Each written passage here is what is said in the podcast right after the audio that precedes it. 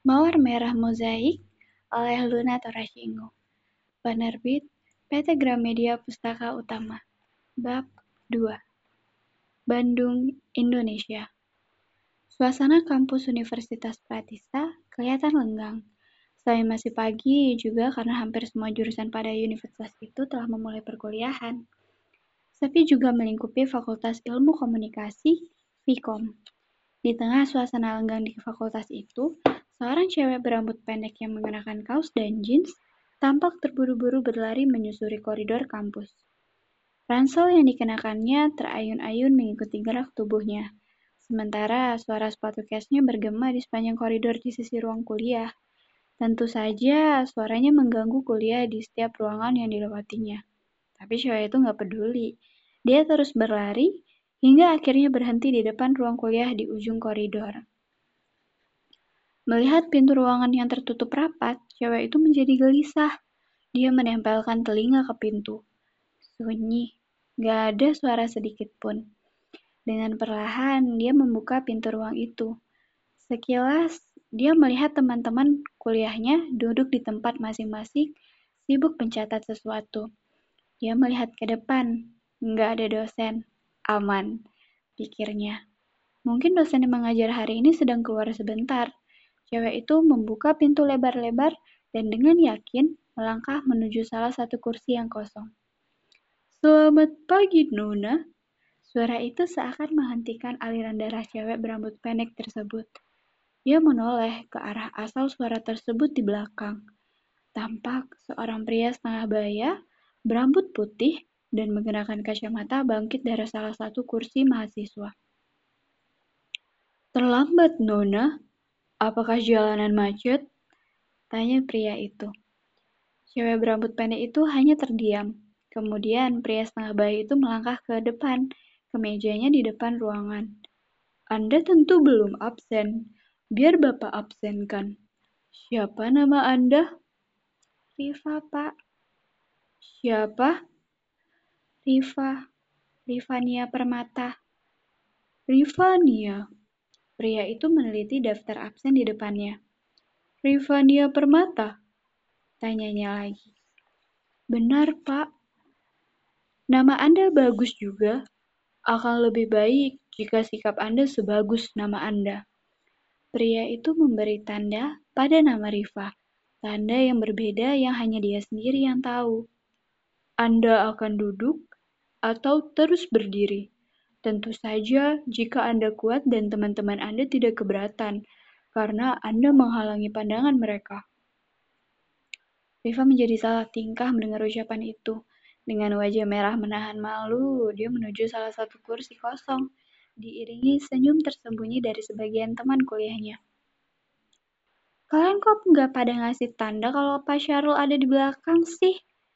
Tanya Riva pada teman-temannya saat mereka berada di kantin. Hatinya masih dongkol dengan peristiwa pagi tadi. Gimana mau ngasih tahu?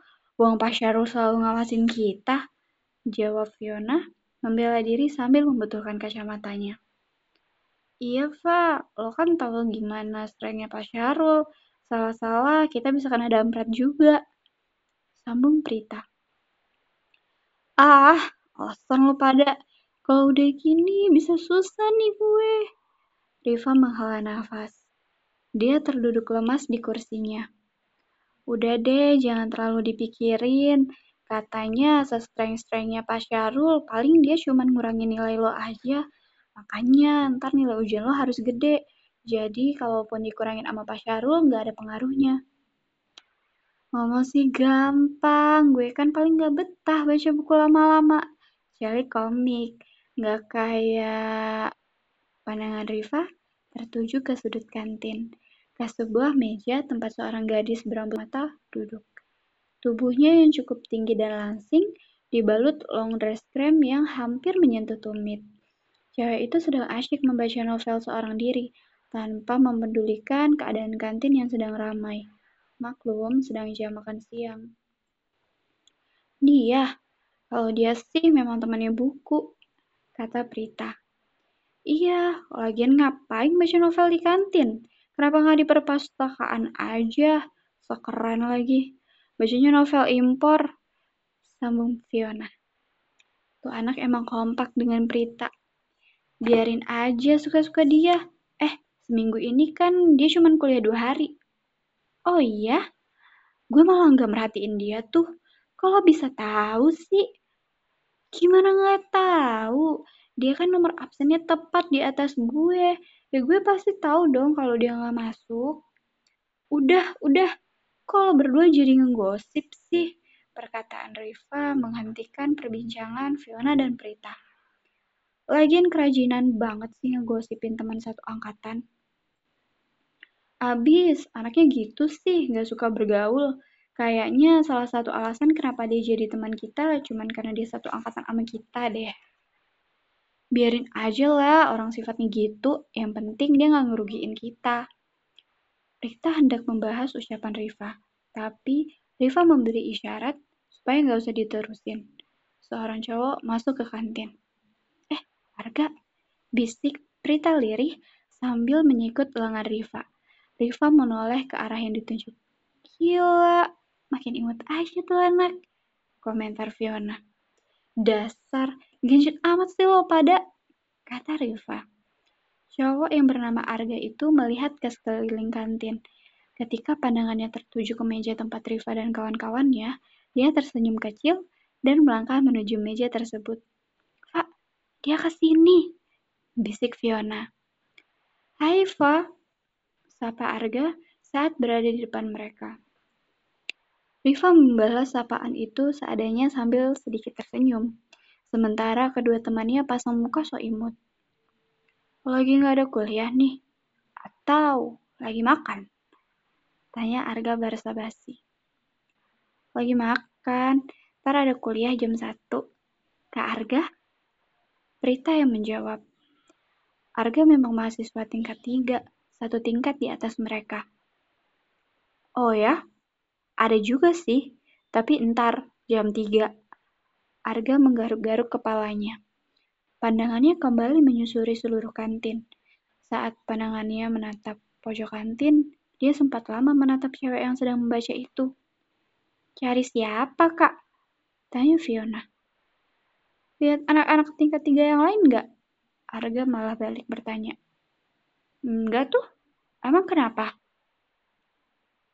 Mana ya? Atau udah pada pulang? Arga lalu mengangkat bahu seakan menjawab pertanyaannya sendiri. Cewek di pojok itu satu angkatan sama kalian kan? Arga tiba-tiba mengganti arah pembicaraan. Fiona dan Prita berpura-pura melihat ke arah yang ditunjuk Arga. Iya, emang kenapa kak? Tanya Fiona. Gak apa-apa, cuma nanya doang. Pandangan Arga beralih pada Riva yang sedari tadi diam. Gimana proposal untuk BW? Udah kelar? Riva yang gak menyangka akan ditanya jadi sedikit gelagapan. Eh, belum kak, dikit lagi. Tinggal apain sih? Kalau susah lihat aja proposal 4 tahun lalu. Ada kok di himpunan. Iya, tapi kan ada bagian yang harus disesuaikan dengan sikon sekarang. Besok kita rencananya mau rapat lagi untuk ngebahas hal itu sambil menunggu keputusan Agung. Kalau bisa cepet ya, soalnya biarpun acaranya masih agak lama, tapi bikin acara sebesar itu kan butuh persiapan serius.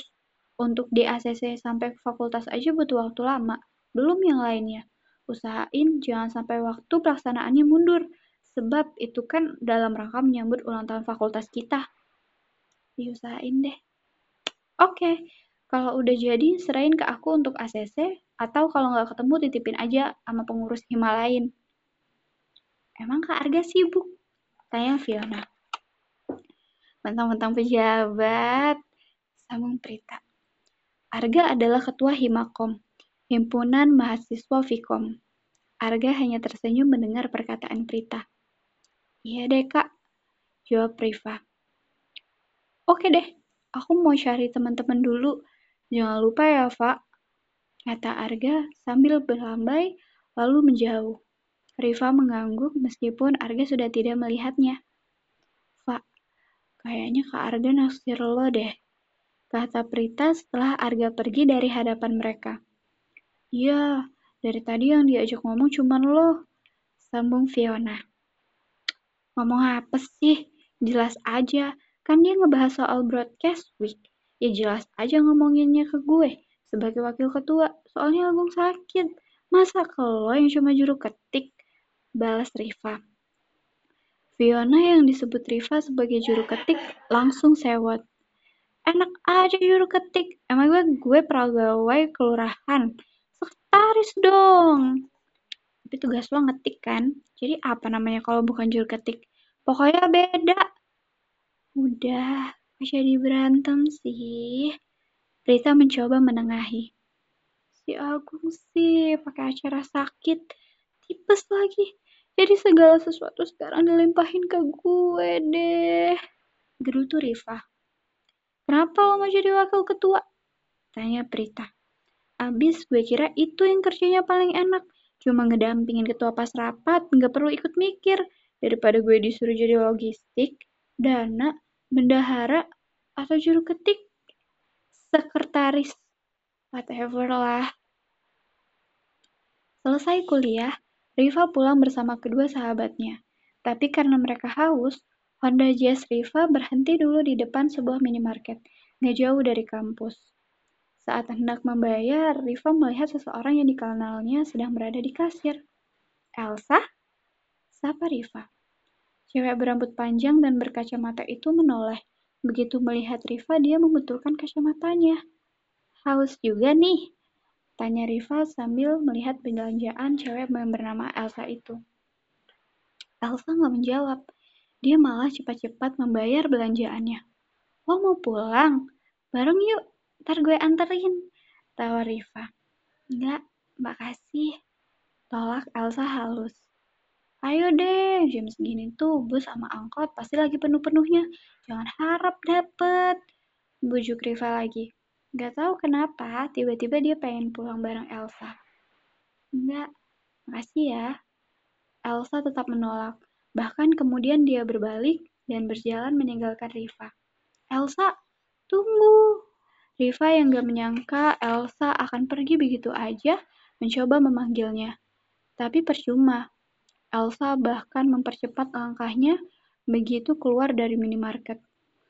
Setelah membayar belanjaannya, dengan perasaan sedikit dongkol, Reva berjalan menuju mobilnya. Lama amat loh, cuma beli minuman aja lamanya kayak beli minyak tanah. Sungut Prita. Sorry, sorry, soalnya tadi gue ketemu Elsa. Elsa? Riva menceritakan ajakannya pada Elsa, hingga Elsa meninggalkannya. Lagian lo sih, orang aneh kayak gitu ajak, tumben banget komentar Prita. Emang kenapa? Kan gue cuma mau mau berbuat baik. Masa ada teman seangkatan mau pulang gak gue tawarin, mumpung mobil gue masih cukup. Kalau dia nganggap lo temannya juga. Atau dia takut dia apa-apain sama lo kali. Ledek Fiona yang langsung dibalas jitakan Riva di kepalanya. Aduh, sakit tahu. Abis, lo ngomongnya asal aja. Emang gue cewek apaan? Gerutu Riva. Cewek apaan, hayo? Iva gak membalas ajakan kedua sahabatnya. Dalam hati dia penasaran pada sikap Elsa tadi. Menurut Riva, sikap Elsa itu sangat misterius. Dia yakin ada sesuatu yang dipendam Elsa di balik sikapnya, dan dia sangat ingin mengetahui apa itu. Inilah akhir dari bab 2. Kita akan lanjut ke bab 3 di sesi selanjutnya.